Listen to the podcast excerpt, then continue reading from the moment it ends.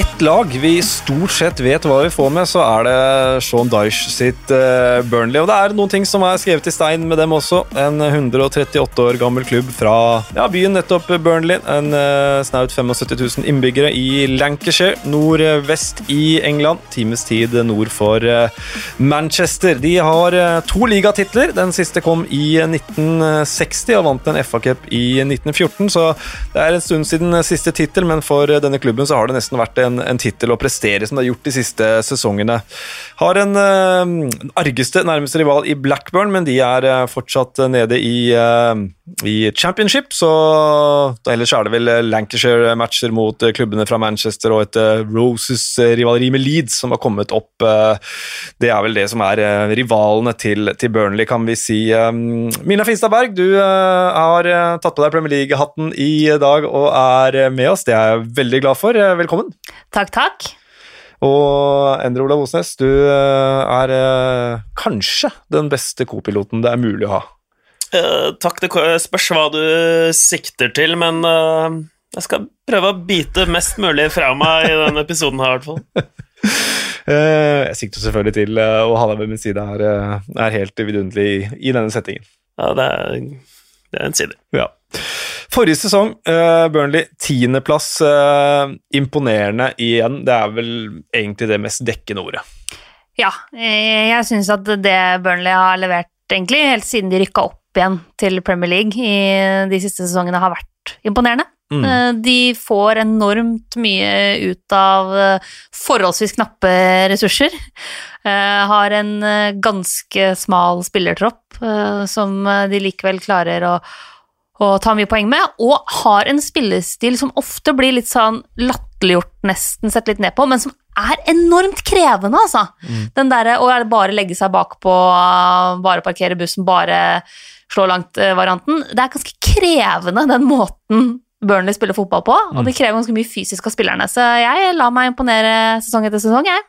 Og de eh, hadde jo eh, FA-cup-involvering eh, selvfølgelig også, og ligacup. Røyk ut i fjerde runde mot Norwich og andre runde mot Sunderland. Det er jo en prestasjon i seg selv, akkurat det, men det gjorde jo også at de fikk en god Premier League-sesong. Nå er de er jo inne i sin femte strake Premier League-sesong. Det er den lengste rekka da, til klubben siden de var 24 år, år sammenhengende i toppdivisjonen fram til 1971, så det sier vel litt om den jobben Sean Dye gjør med, med begrensa midler. Ja, absolutt. Så de, hadde jo, de sangerte jo klubbrekorden med 54 poeng i Premier League forrige sesong, og satte ny klubbrekord med antall seire. Mm. Um, og det mest imponerende var jo etter oppstarten igjen. Uh, fordi når jeg bare så på lagoppstillingen, gikk inn på sånn livescore og sjekke lagoppstillingen, så var det noe av det tynneste jeg har sett da, av et uh, Premier League-lag på papiret. Men uh, de vasket jo fram det ene resultatet etter det andre.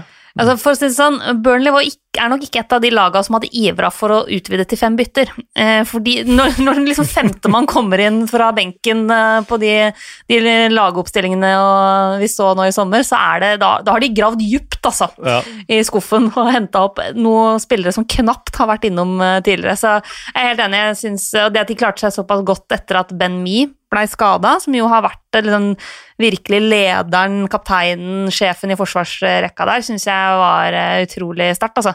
Og uavgjort mot Liverpool, uavgjort mot uh, Wolverhampton Det er flere sånn sterke resultater uh, nå i sommer. Ja, så trenger vi det i Premier League. Um, var så heldig å få en tur til Turf Moor i, i romjula der. Uh, med Brede og Ingrid, og når vi da skulle kommentere, det var vel Brede som sa det, det er så deilig med sånn old school uh, stadion, litt sånn uh, Det var jo uh, vinter da, men det føltes liksom som en sånn crispy høstkveld lørdag kveld der, og så Manchester United på besøk. Og det var veldig gode minner, egentlig, fra å bare være der, atmosfæren der, og så så det er noe friskt, da. Det er på en måte litt kontraster når Manchester United er på besøk på Turf Moor. Uh, vi trenger rett og slett eh, Burnley i Premier League. Og så er det jo ikke sånn.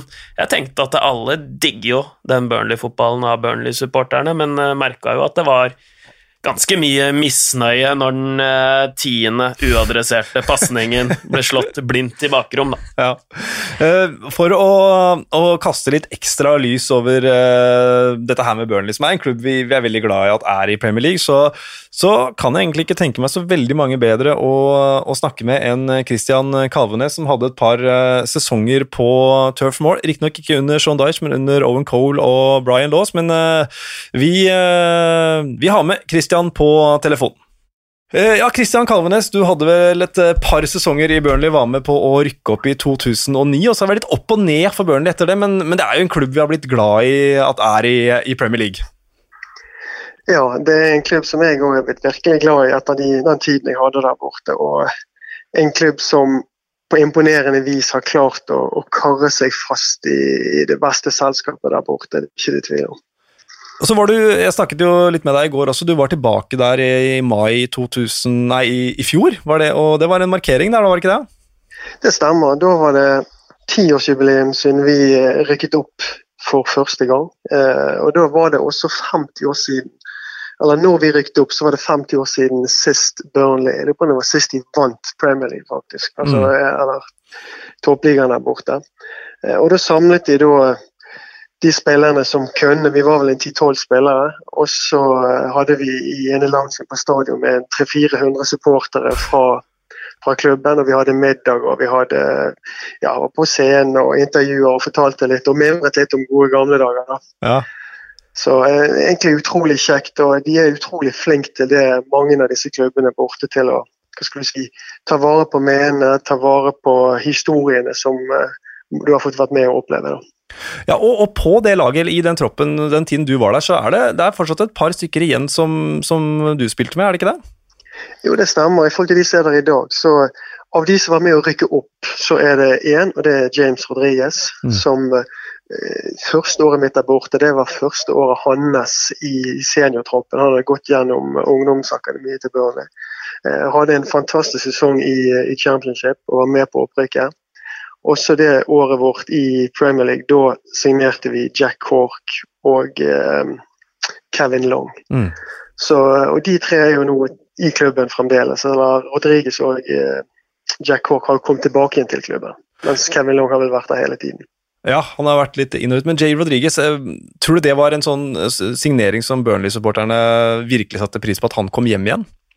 Ja, det er klart det. Det, det er klart det. Det var en av unggutter som har gått gjennom systemet, er fra uh, området og ja, er en kjempegod spiller. Jeg husker den gangen at han, var, han hadde utrolig gode ferdigheter. Og så røk han vel korsbåndet på et eller annet stadie, mener jeg, da han var i 15, tror jeg det var. Mm. Um, for det var vel kanskje en spiller som jeg uh, kunne fortsatt for meg skulle spille flere kamper for, for landslaget òg, da. Men eh, klart han er nok høyt, høyt elsket av Burnley-fansen. Ja, da du, eh, Etter at du forlot klubben, eh, dere rykket vel ned den første sesongen, kan det stemme? Det stemmer. Ja. Eh, hva, hva, trodde du når du forlot klubben? Trodde du at de skulle klare å, å, komme seg opp og være på det nivået de er i dag? At de har vært så høyt oppe som de har gjort, og faktisk vært å kjempe topp ti noen sesonger, det, det syns jeg er, det er vel kanskje i overkant imponerende hva jeg hadde trodd. Men det er, jo, det er jo sånn med lagene som rykker ned. Hvordan velger du å investere de pengene du får eh, i fallskjermpenger og alt som rykker ned fra Premier League. Og Burnley de har valgt en tilnærming som jeg tror er grunnen til at de har klart å, å komme opp igjen. De har investert i, i, treningsanlegget sitt, de har bygget ut et fantastisk anlegg der ute som vi trente. Eh, med nye garderober, nye fasiliteter, treningsrom, ordentlige baner. De har, altså, kan du si, de har de har brukt det på anlegg framfor på sinnssykt dyre lønninger og dyre spillere. Mm. Sånn at måte, de, de, kan si, de melker jo av investeringene de har gjort i dag. Da. Og så har de nok Det har jo vært noen trenere innom, men etter de fikk Shandajin, så har på en måte tingene satt seg. Og jeg vil si at han er nok kanskje den viktigste signeringen deres, og den viktigste mannen å beholde. Eh, for jeg vil si at han har jo ja, den viktigste bidragsyteren til de har klart å skape den suksessen de har gjort nå. da. Mm. Traff du han når du var, eh, var over der eh, for et tid siden? Det gjorde jeg ikke. De hadde, de hadde kamp dagen etterpå mot Arsenal, så jeg tror at hele det første laget var på reise den dagen vi var der. Mm. Åssen var, var, tiden din der? Du snakker jo varmt om Burnley, men du har jo hatt en lang karriere. Hvordan, hvordan vil du oppsummere de årene du hadde der? altså, hva skal jeg si, Burnley var jo på mange måter guttedrømmen. Sant? Så, altså, Skottland var jo fantastisk kjekt å, å, spille fotball i. Utrolig fint land, lidenskapen og alt dette. Men så når du kommer ned til England, så er på en måte alt dimensjonert opp. Sant? Det er større mm. stadioner, det er tøffere kamper, du møter disse storlagene. I Championship er det jo altså det, det er bare gode lag. sant? Mm. Så Tiden min i Burnley var der du virkelig fikk leve drømmen, og hvor du, du føler du får egentlig det var en av de siste årene i karrieren min. Altså, du fikk liksom mm. kirsebæret på toppen helt på slutten av karrieren. Sant? Med å, å, få møte de aller beste lagene i, Premier League, eller få reise rundt på disse her fantastiske stadionene. Være en del av sirkuset der borte. Eh, samtidig så kan du si at noe av det jeg opplevde i Burnley, var på en måte eh, ting du ikke trodde du skulle få oppleve i fotball. Eh, hvis jeg kan si det sånn. altså i Norge så har du gått gjennom kretssystemet og dette i forhold til hva du skal spise og drikke og ordentlig og sånt her. Og så kommer du inn i Burnley hvor eh, de hadde det sånn at to dager før kamp så hadde vi konkurranse på trening. Og da var det sånn at eh, det laget som tapte, de måtte kjøpe kake til dagen etterpå. Og, og, så var det de fire dårligste på avslutningsøvelse, de måtte kjøpe drikke. Så det vil si at si, dagen før kamp så hadde da kjøleskapet vårt i garderoben det var fullt av donuts og muffins og kaker og brus. Sånn at, og, og, det var sånn at jeg tenkte hva i alle dager er dette for noe? Sånn at Dette er jo så feil i forhold til alt du har lært. Og så gikk det noen uker, og så sto du bare og jublet og du fikk tak i det beste kakestykket. Sant? Det ble bare fullt inn i det. Eh, og så det, var det, det var så sinnssykt feil, men det ble så utrolig bra. For det gjorde noe med denne atmosfæren og klubb og kulturen i garderoben vår. Så jeg tror var noe av nøkkelen til suksessen vi hadde òg. Og tenk at vi spilte jo 61 kamper det året med cup og serie. Så 61 ganger så hadde mm. vi et smykkende fullt kjøleskap med kaker og brus. Men eh, en rar opplevelse. Men noe som liksom verdt å vite. vet du hva, Det er mange veier til å skape suksess. Eh, fordi at hode og kultur spiller så grådig stor rolle i det hele. Da. Jeg tolker det sånn at det var god, god stemning da, eh, sosialt uh, når du var der? Ja, det er fantastisk. Og du hører jo historier om spillere som jeg kjenner eller har spilt med, som har spilt f.eks. i Tyskland, som har helt andre historier for hvordan garderoben er. Mm. Og den var den er utrolig bra egentlig. Utrolig inkluderende, utrolig åpen. Er jo et sosialt nivå i overkant av hva du kan klare, for å si det sånn, når folk kommer inn i garderoben. Men eh, ja, utrolig fin tid sånn altså. Ja. Du Christian, du, du, startet jo og spilte den opprykksfinalen i 25. mai mot Sheffield United. Hvor vil du rangere det i karrieren din? Det er klart, akkurat Den kampen er isolert sett, hvis du ser på én en enkelt kamp, så er nok det klart den største kampen jeg har fått vært del i. Selv om jeg fikk noen kamper i Premier League òg, men rammene rundt denne opprykkskampen for å spille foran 80 000 på Wembley, en kamp som betyr så mye for så mange. Sant? For det laget vårt besto ikke av gamle Premier League-profiler. Det besto av spillere som kanskje vært et sted gjerne ikke lykkes, eh, og nå hadde sin mulighet. Um, han ene spilleren på laget vårt, jeg mener han hadde spilt om det var syvende playoff-finale han spilte, og det var første gang han fikk være med å vinne. Ja. Um, så det var, en, det var, en, fantastisk ramme rundt det. Så både på dagen og ettertid og alt. Det var ja, Bare ha familien kan du si, på tribunen mm. som satt og så TP-kampen med deg når du var fem og seks år gammel. Så at dette har du lyst til å være med på. Og så plutselig så står du midt på indre bane sjøl. Det, ja, det er måloppnåelse. Ja, det er, det er jeg vil si skyhøy måloppnåelse. Fra min tid som lærer så tror jeg jeg tikka alle voksne for en klink sekser, eh, Christian. Du, eh, helt eh, sånn avslutningsvis, hvordan tror du Burnley kommer til å gjøre det i sesongen som kommer? Ja, det kan du si, altså. Jeg syns det er vanskelig å spå de hvert år. For det, etter en god sesong så er liksom vil de klare å gjenta det. Jeg forventer nok at målet deres er jo å, å holde plassen. Eh, og så er de et ekkelt lag å spille mot. Altså, de er vanskelig å spille mot. De, de tar ikke veldig store sjanser. Har nok en del onde spillere å møte. Så hva skal jeg si, jeg håper de klarer de å komme seg opp mot en tiendeplass, så er jo det sinnssykt bra. Men egentlig, så, så lenge de klarer å karre seg fast oppi det Premier League-selskapet der, så tror jeg de skal være kjempegodt fornøyd. Og da er jeg i hvert fall kjempegodt fornøyd med de òg. Du, Christian, tusen hjertelig takk for at du tok deg tid. Det var veldig gøy å høre om din eh, tid eh, fra Burnley. Veldig kjekt å få være med. Herlig. Takk skal du ha. Takk skal du ha. Ha det bra. Ha det, da. Ja, jeg blir ikke noe mindre glad i Burnley etter å ha hørt dette her, eh, Mina.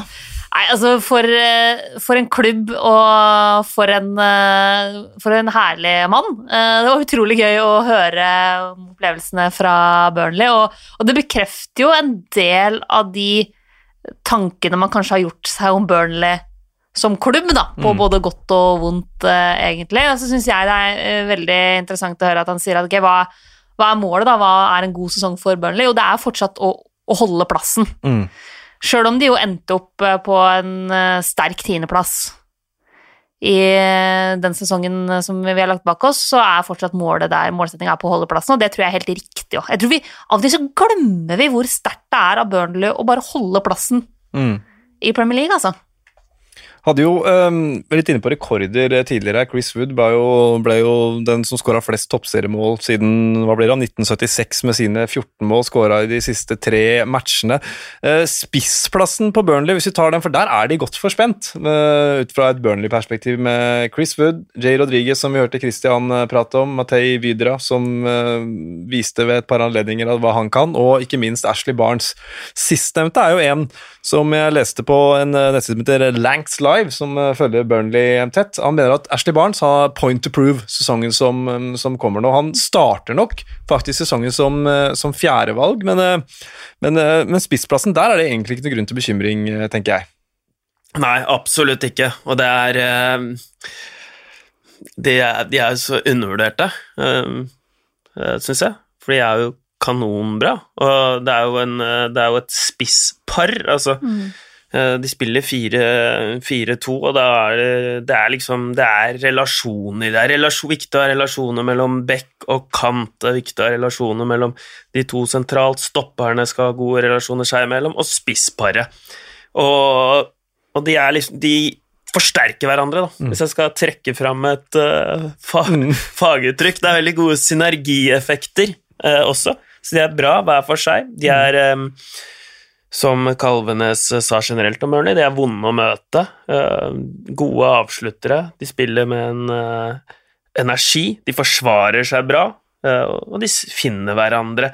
Gode, gode relasjoner til hverandre. Mm. Og her nevner du fire som kan gå inn og spille bra hver for seg, og enda bedre sammen. Så Ashley Barnes han er ikke bekymret for i det hele tatt. Han og Westwood uh, som spann har vært uh, gode, og når Jay Rodriguez er i miksen nå, så, mm. så, blir det um, veldig gøy. Ja, jeg var jo veldig spent på hvordan de skulle klare seg uten Ashley Barnes. Han, han fikk jo brokk, var det vel? Altså, Hørnia mm. er vel brokk? Så derfor han var ute halve sesongen. Mm. Spilte nesten ikke i det hele tatt i, i 2020, og da var jeg veldig spent på hvordan Eh, hvordan de skulle klare seg uten han, men det gikk eh, veldig bra. Så Chris Wood, kjempesesong. Mm. Det må jeg bare si, altså. Uh, er jo 28 nå. Blir 29 den sesongen her, men jeg syns han viste at han har ganske mye å by på. Levert solid gjennom hele sesongen. fryktelig vanskelig å forsvare seg mot Chris mm. Wood når han først eh, er i, er i form. Og så er jo jeg veldig svak for sånne litt sånn romantiske historier om uh, de som vender tilbake, uh, sånn som Ala J. Rodriguez, mm. da, tilbake til liksom, klubben han, han, kom fra, og, og hele den historien der. Så jeg er enig med at de er altså Vi snakker jo ekstremt mye om hvor sterke Burnley er defensivt, mm. men forrige sesong så var, hadde de faktisk også offensive spillere som uh, leverte mer enn godkjent, altså. Ja, man snakker jo om uh, Pope og Tarkovskij og Mi som kaster seg ned og blokkerer foran, uh, men spissparet, det har Sean Dyche fått taket på, altså. Mm. Uh, vi kan jo gå tilbake til um, det vi ofte snakker om, da, for uh, vi, før vi gikk på her, uh, Mina, så nevnte du én mann, og Jens Hohjem spør på Twitter har Burnley Premier Leagues beste skuddstopper i Nick Pope. Jeg er kjempefan av Nick Pope. det har jeg vært i flere år, helt siden, fordi han kom jo litt ut av ingenting. Mm. Altså, han gikk jo fra å sitte på puben og se England uh, i mesterskap til å plutselig være en del av, av landslagstroppen. Grep jo sjansen noe voldsomt der. Da var det 2017. Ja, Tom Heaton ble skada tidlig i sesongen. Det var 2017-2018-sesongen, mm. og, og, jeg bare syns at uh, Nick Pope nå har utvikla seg til å bli en av de aller, aller beste engelske keeperne, og en av de beste ja, skuddstopperne mm. ja. i Premier League, altså. Han uh, og han passer Burnley så godt òg! Ja, absolutt. Ja, jeg jeg syns han burde være Burnley Nei, England sin nummer én, ja. Mm. ja enig. Så skuddstoppingen er det jo ingen som kan ta han på. Mm. Når man snakker om Pickford, så er det jo at han er bedre med ballen i beina og sånt, men uh, som shotstopper og egentlig hele den uh, keeperpakka med å mm. holde ballen Den viktigste oppgaven til en keeper, da, å holde ballen unna streken, så er jo Pope uh, stor, da. Mm. Og gi forsvarsrekka di trygghet. Mm. Jeg syns at du merker det veldig hvis du har en keeper som laget ikke stoler helt på, som kan være litt ustødig, som ikke tar det lederskapet, ikke har den autoriteten, så forplanter det seg ganske kjapt framover i bana. Uh, mens med Nick Pope, så du bare ser hvordan hele laget stoler så 100% på han. Eh, mm. Så han er høy, høy klasse, det Nick Pope eh, har levert, egentlig siden han han tok den plassen i Burnley. Mm. Det er jo klassenavn òg. Ja, kjempe, kjempefint. Og så har de jo selvfølgelig også eh, ei forsvarsrekke som eh, har blitt ekstremt uh, solid, og jeg er jo glad i godt forsvarsspill. Alltid mm. vært glad i godt forsvarsspill, så jeg koser meg jo med å se Burnley spille fotball. Mm. Godt organisert forsvarsspiller ja. er vel noe av det bedre Ja, det er så nydelig, det. Ja, det, er, det er vakkert å se. Enig. Det blir spennende. Altså, det som har vært Burnleys, eh, eller en av mange Burnleys styrker, er at de, de, får litt liv i gamle travere, og så selger de kanskje en stopper. Michael Key, når de gjorde det, så tok Tarkovskij steget opp, og det er masse spekulasjoner rundt Tarkovskij. Det kan jo godt være han forsvinner. Da er jo et stort spørsmål hvem skal komme opp der. Jeg personlig er litt skuffa over at Ben Gibson aldri tok noe steg i Burnley. Litt overraska over det, at han har blitt så persona non grata. men uh, men jeg har jo uh, vi, må, vi, må, snakke litt om, uh, om, nye spillere eventuelt for Burnley òg, for du var inne på det i stad, eller vi har snakka om det, Beo og Mina, at uh, de troppene de mønstra i sommer, der var det mye ordentlige engelske navn som vi ikke visste helt hvem var, på slutten der. Um, og de må nok hente noe inn for um, Kanskje den viktigste spilleren som har forlatt klubben, er Jeff Hendrick. Han, de andre, Aaron Lennon, Joe Hart, var på en måte fringe players, men allikevel med erfaring. Mm. Så um, de, de, trenger jo noe, noe nytt uh, blod inn. Um, det var jo litt på stålet der, når kameraet sveiper over benken og man sitter og kommenterer kamp, at ja. man håper det er et par man håper ikke håper skal blir, inn. Altså. Håper det blir Vidra, i hvert fall. ja. Ja, eller kanskje han Robbie Brady. At en av de to kommer inn, for de andre veit vi ikke hvem er. Uh, men der er jo John Dyesh fet òg, da. Han uh, sa jo 'There's a certain modern day glamour to substitutions in football these days'. altså, det er glamorøst å bytte bare for å bytte, så uh, glem de fem innbyttene de hadde i sommer, det var ikke nødvendig for Daesh. Nei, de, de, de trenger absolutt um, De trenger absolutt um, forsterkninger. Jeg mener de trenger forsterkning på stoppeplass, selv om de beholder Tarkovskij. Altså, fordi de trenger litt ekstra der. og så trenger de også en ekstra bra ving Uavhengig av Og så er det veldig viktig at de beholder Dwight McNeil, ja. uh, som er, som er eh, kanonbra, men det spørs om de beholder han, da. Og Leicester og Wolves og Milan og Juventus har jeg i hvert fall sett, da. Har litt sterke følere ute på ham. Og han, han, er jo fortsatt bare 20 år gammel. Eh, jeg hadde han på min sånn beste Rookies of the Year, ikke den sesongen her, men sesongen før der mm. igjen. Jeg syns Dwight McNeil er en kjempespennende spiller. og jeg tror, altså Potensialet hans er jo skyhøyt, og han har jo, selv om han bare er 20 år gammel, da, det han har levert så langt, har vært veldig veldig sterkt.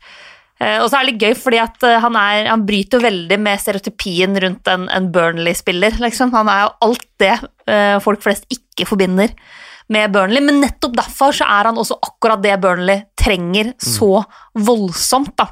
Så det er klart at det å, om de beholder han eller ikke, vil være enormt viktig. Han er jo også det liksom, ene ungdommelige innslaget Ja. i Burnley. fordi det er klart det er også et aldrende lag. Og på et eller annet tidspunkt så trenger man å, å, å det er et generasjonsskifte, og det er jo bedre hvis man kan ta det gradvis enn at du skal ta alle på en gang. Og det tror jeg Sean Dyche også er veldig klar over. Han liker jo rutinerte spillere, men jeg tror han er også klar over at det trengs på en måte litt utskiftninger. Noen yngre krefter som kan være med og, og utfordre òg. Og han har jo spilt Han starta hver eneste kamp, han. Mm. eh, Dwight McNeil. Det var vel 75 minutter han ikke spilte denne sesongen. Det er så bra. Det har jeg lest, da. Ja. Men eh, det var vel 75 minutter. Nei, det var 75 minutter, og yngste spiller nå um, siden Raheem Sterling til å nå ti Premier League-assister. Mm. eh, og totalt. Det er jo Han produserer målpoeng. Seks assister i år, to skåringer. Han er en veldig utypisk eh, Burnley-spiller, om man ser på hele laget, men en veldig veldig betrodd tjener under eh, Sean Dyche. Da. Tilbyr den eh, X-faktoren, det litt uforutsette, i Mm. det laget der. Er det et, kan vi si det er et nøkkelpunkt for Burnley i sesongen som kommer, å beholde Dwight McNeil, hvis vi bare singler ut han akkurat nå?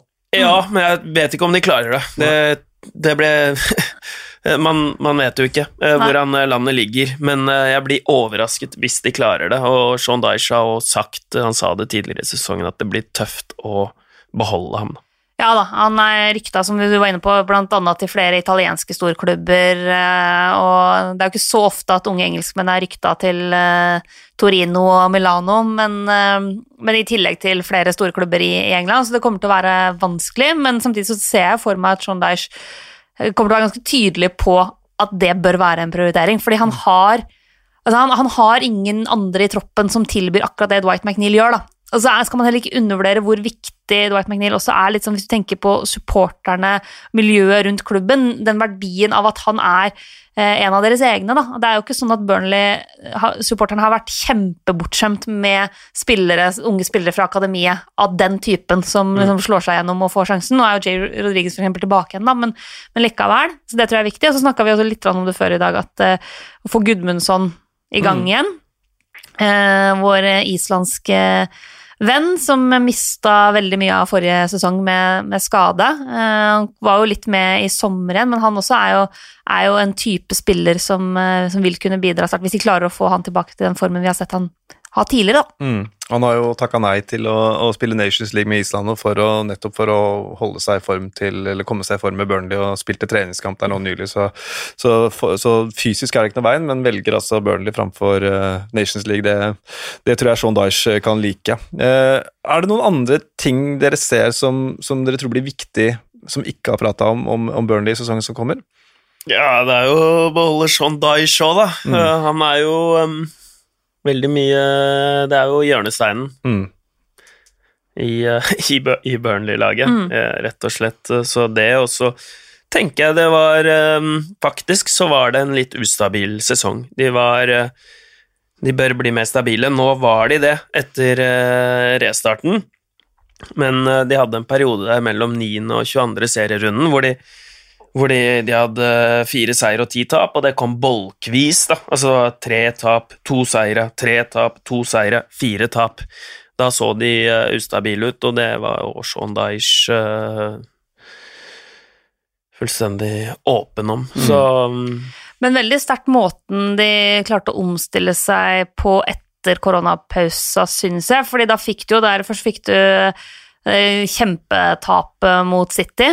Det var vel første kampen deres igjen etter eh, pausa. Mm. 5-0 eh, på Etihad der. Og så kommer det en rekke med, med ganske sterke resultater, egentlig. Så det syns jeg er imponerende. Eh, 15 poeng på de siste ni kampene der. Det er slett ikke dårlig. ja, det er sterkt. Og så er det jo et spørsmål om, om rundt Sean så er jo hvor lenge kommer han til å bli i Burnley. Eh, Det er en klubb som altså, han- Han kunne ha gått til andre klubber hvor han hadde hatt mer å rutte med, hvor han hadde hatt større ressurser enn det han, han har i Burnley. Eh, samtidig som han har en standing i Burnley som han ikke vil kunne, altså, Som han må trenge tid på å bygge seg opp i andre klubber. Da. I Burnley er han helt. Eh, det er jo ikke sånn at han er universelt elska i England. Det er jo mange som mener at han er sutrete og stri og litt sånn småhissig. men han er helt i det rommet her òg. Ja, ja. altså, jeg elsker han jo, men, men, det er klart, i Burnley så er han, er han jo liksom en, en, helt, og bare en helt. Den standinga vil han jo ikke nødvendigvis ha, ha, i andre klubber, ikke sant. Så ja, det er viktig. Og så er det viktig med altså, Tarkovskij har vi har vi snakka om tidligere, men han må nevnes også. Jeg syns han hadde en veldig, veldig god sesong. Uh, og han er jo også i en alder nå hvor han uh, Han er 27 år gammel.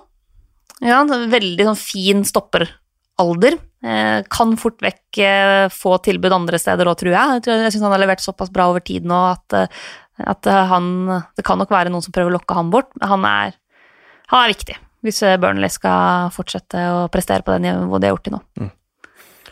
Ehm, de åpner mot uh, Leicester borte, for den første kampen mot Manchester United er jo utsatt pga.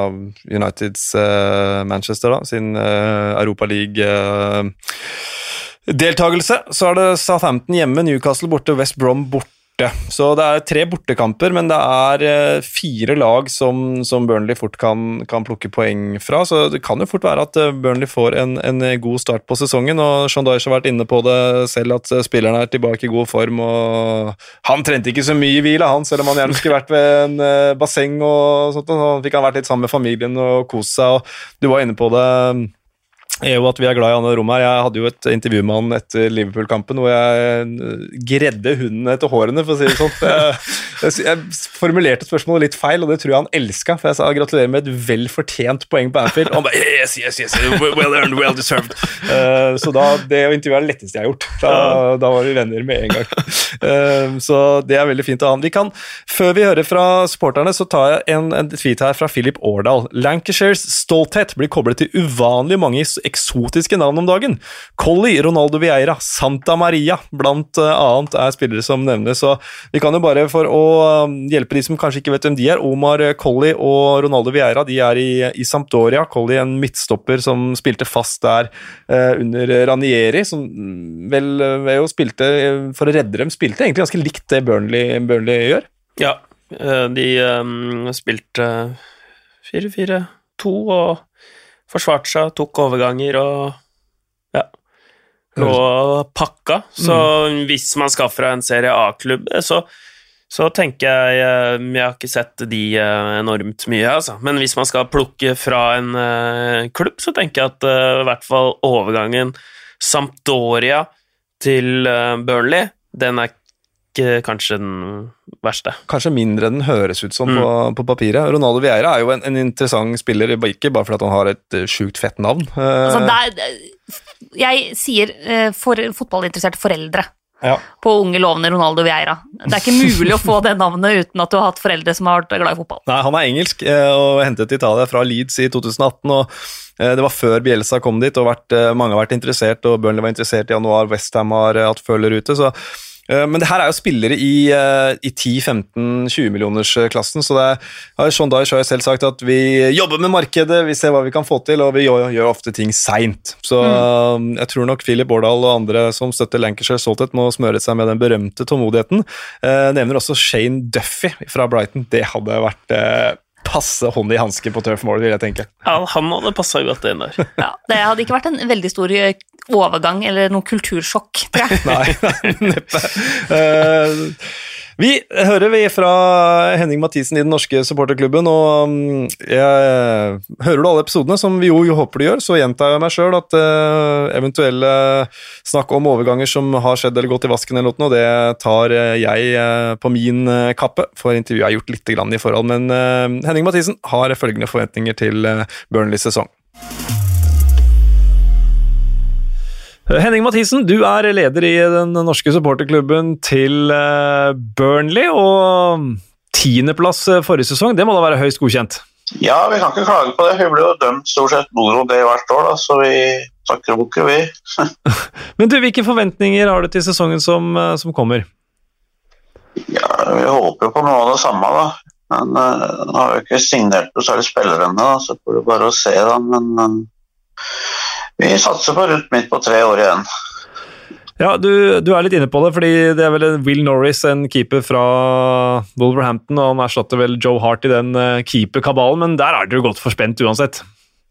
Ja, vi har jo Nick Pope, og så har vi han andre duden, som er landslagskeeperen til Nord-Irland. Han er reservekeeperen vår, da, så vi kan ikke klage der. Og de har vært flinke ved keepere, vi har bra keepertrener, så de siste åra har vi vært veldig bra der. En, en, sommer hvor uh, Burnley fortsatte egentlig å imponere. Sterkt resultat på, på Anfield, bl.a., for å bare nevne ett et enkelt resultat. Hva er hemmeligheten til Sean Dyche?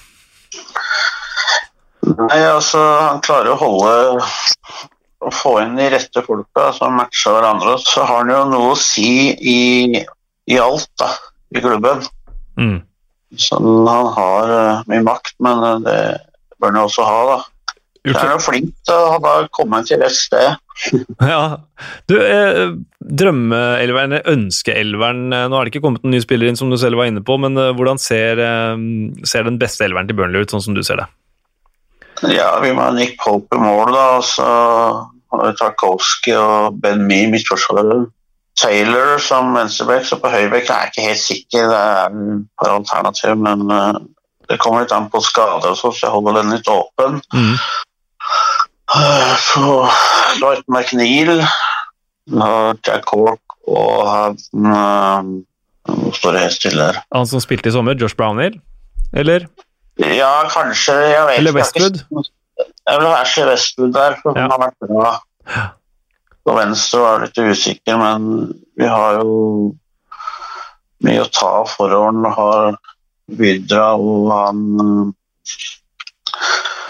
Rodriguez, og så har du Wood som skal holde mål, og så har du Barnes. Men jeg vil gjerne ha med Barnes da hvis han er i form. Mm. Han er ikke noe morsom å møte. Så det er litt åpent, men uh, jeg regner eller håper vi får inn et par nysigneringer, og vi har fått inn en keeper og en litt sånn, men det er liksom ikke noen som går rett inn på laget. da. Det er jo ofte det man trenger som kan forsterke laget. for Det som var bra i fjor, du trenger gjerne å heve et par hakk år etterpå. Ja, og Hvem er uh, drømmesigneringen uh, din, uh, Henning? Nei, Det er vanskelig å si, for vi vil aldri kunne handle på øverste hylle eller hylla under, så vi må jo ned på hylle tre og fire. så Det er, det er vrient, det greiene der. For det er mye folk. I fjor så trodde vi at han uh, Drinkwater var drømmesignering, men det ble bare tull. Mm. Ja, det er umulig å nevne ett navn, syns jeg, men vi får bare ta det som kommer. Litt sånn som det er uh, hver sommer med Burnley, kanskje? Ja, det er det. For vi bare sitter og venter ofte, og så kommer det gjerne en uh, litt uh, på slutten. Det har jo funka, så vi får nå se, men uh, Messi, kanskje vi får. det hadde vært noe Messi på Turf Moor. Ja, tror ikke det? jo. Uh, vi, vi, skal plukke ut én spiller uh, i dagens Burnley-stall som um, du mener er verdt å merke seg først som sist. Hvem ser du til da, Henning? Dwight McNeil. Mm. Så det spørs det hvor lenge man får beholde han, da. Det, jeg regner med at han blir i hvert fall i år, så får vi se så har det også litt å si da, om man fortsetter utviklinga og hva som skjer, at man ikke blir skada og hva alt det. Ja. Sånn, eh, sånn, avslutningsvis, eh, tror du på en ny tiendeplass, eller eh, frykter du at lufta er i ferd med å gå ut av Dajs-ballongen? Nei, jeg tror vi kan bli nummer ti år igjen, ja, at det fortsetter. Men vi, vi er avhengig av å få inn uh, i hvert fall en eller to spillere til. da. Det gjør nok også, får man se hvem de får. Og så må man jo fortsette utviklinga og unngå skader på nøkkelspillere på sentrallinja. Så jeg tror jo jeg må ha det. Ja, må jo ha det. Du, Henning Tusen takk for at uh, du tok deg tid. Eh, vi i Premier League-podden ønsker både deg og alle andre Burnley-supportere lykke til med, med, sesongen. Og er det én ting med Burnley, så vi vet jo hva som kommer. Ja, uh, det er vel ikke sånn akkurat finfotball alltid, men de er gode. ikke finfotball, men de er gode. Det er godt oppsummert. Tusen takk for at du var med oss, Henning. Ja. Vi hører jo her at uh, Regner med en uh, tiendeplass uh, sesongen som uh, kommer også, at det er bra, og at det ikke forventer noen store signeringer inn, men, men, noe kommer. Dwight McNeil er den viktige, det er mye av det vi har også vært, vært inne på her. Ja, det er, det er Tiende er vel akkurat sånn det ser ut nå, man, det man skal håpe på. De mm. gjorde en veldig god sesong nå, og kom på tiendeplass. Mm. Så er en bra sesong, men jeg syns ikke de bør være så mye lenger ned heller. Altså, de er Jeg sa de var ustabile, men de kommer alltid ut av dårlige perioder da, med, med, bedre perioder. De kan vinne back-to-back-seire. De, de, graver fram resultater her og, og, der, og de kan egentlig slå, slå alle. Ja, men jeg, jeg tenker likevel at uh, man skal være veldig glad for en tiendeplass. Mm, altså, ja, jeg, jeg, tror at Hvis, hvis du hadde spurt både Sean Dyche og Burnley-sportere flest liksom, Ok, vi tilbyr deg en, en garantert tiendeplass. Tar du det? Tar du ja, den tiendeplassen, ja. så hadde tror jeg 99% sagt ja, den tiendeplassen tar jeg, liksom. Eh, og så må, er de avhengig av å, å unngå altfor store skadeproblemer, blant annet fordi de har en av de tynneste troppene i Premier League. Mm. Nå klarte de seg rimelig greit på tross av skade på Ben Mee, på tross av skade på Ashley Barnes eh, forrige sesong, men de tåler ikke så mange av de, altså. Nei, og Westwood var også skada lenge, mm. måtte hive inn Josh Brownhill uh, halvt år før de hadde tenkt å gjøre det, så Men nå har vi snakka om hva de kanskje bør. Hva tror du, Mina? Hvor tror du Burnley havner? Hvilket sjikte? Jeg tror de havner mellom altså tiende- og trettendeplass, da. Mm. Så at de jeg tror ikke de kommer til å være i nedrykkssumpa, men jeg tror Eller kanskje mellom 15 og 10, da, mm. omtrent. Mm. Ja, ikke, de, ja. nedrykk, men, eh, men, heller ikke inn på øvre halvdel. Nei, Kan flørte litt med nedrykk, eller? Jeg tror ikke det sånn ting ser ut akkurat nå, Nei. Eh, men det kommer jo an på hvis plutselig Dwight McNeil forsvinner ut døra, og sånt, så kan jo ting endre seg òg. Mm. Jeg er helt enig med, helt enig med Mina var det jeg tenkte. Tiende, femtendeplass. Så det er vel eh, det. Og så kan det jo ligge litt i skjæringspunktet da, mellom øvre og nedre halvdel. Overrasker med en eh, åttende-niende. Mm. Men uh, tipper det er et godt sted å plassere Burnley, og sånn jeg ser på Burnley nå, så er jo det deres naturlige habitat, da. Mm er litt redd jeg, for at de er ikke om ikke i Bournemouth-kategorien, men en sånn hvor man hele tida tippa dem ned, og så overrasker de, og så overrasker de, og så kommer den sesongen. Så jeg, jeg er litt bekymra eh, for, for Burnley denne sesongen. Jeg er kanskje litt mer bekymra enn det både Henning Mathisen og dere er. Ja, men så lenge Sean Dyche er der, så er det såpass um, De er såpass uh, kompakte, godt organiserte og solide, på en måte. og det etter restarten så ble jeg egentlig overbevist mm. når jeg så at de var såpass på stålet og allikevel mm. eh, dro inn eh, mye poeng. Mm. Og Så lenge du er med, så blir det jo en god prat, eh, Endre. Tusen takk for at du eh, kastet din glans over Burnley i, dag. Det var en glede å snakke Burnley. Mina Finstad Berg, det er jeg, bare, jeg, tar eh, munnen full. Jeg sier at det var uh, vel en glede for deg også å snakke Burnley. Altså, jeg, uh, jeg, liker jo veldig godt å ha et Stoke-aktig lag i Premier League, og Burnley leverer så til de grader på akkurat den kategorien. Tusen takk for at du ble med oss. Og tusen takk for at vi får lov til å være i Moderne Medias lokaler, og at de hjelper oss med å produsere disse podkastene. Takk for at du hørte på.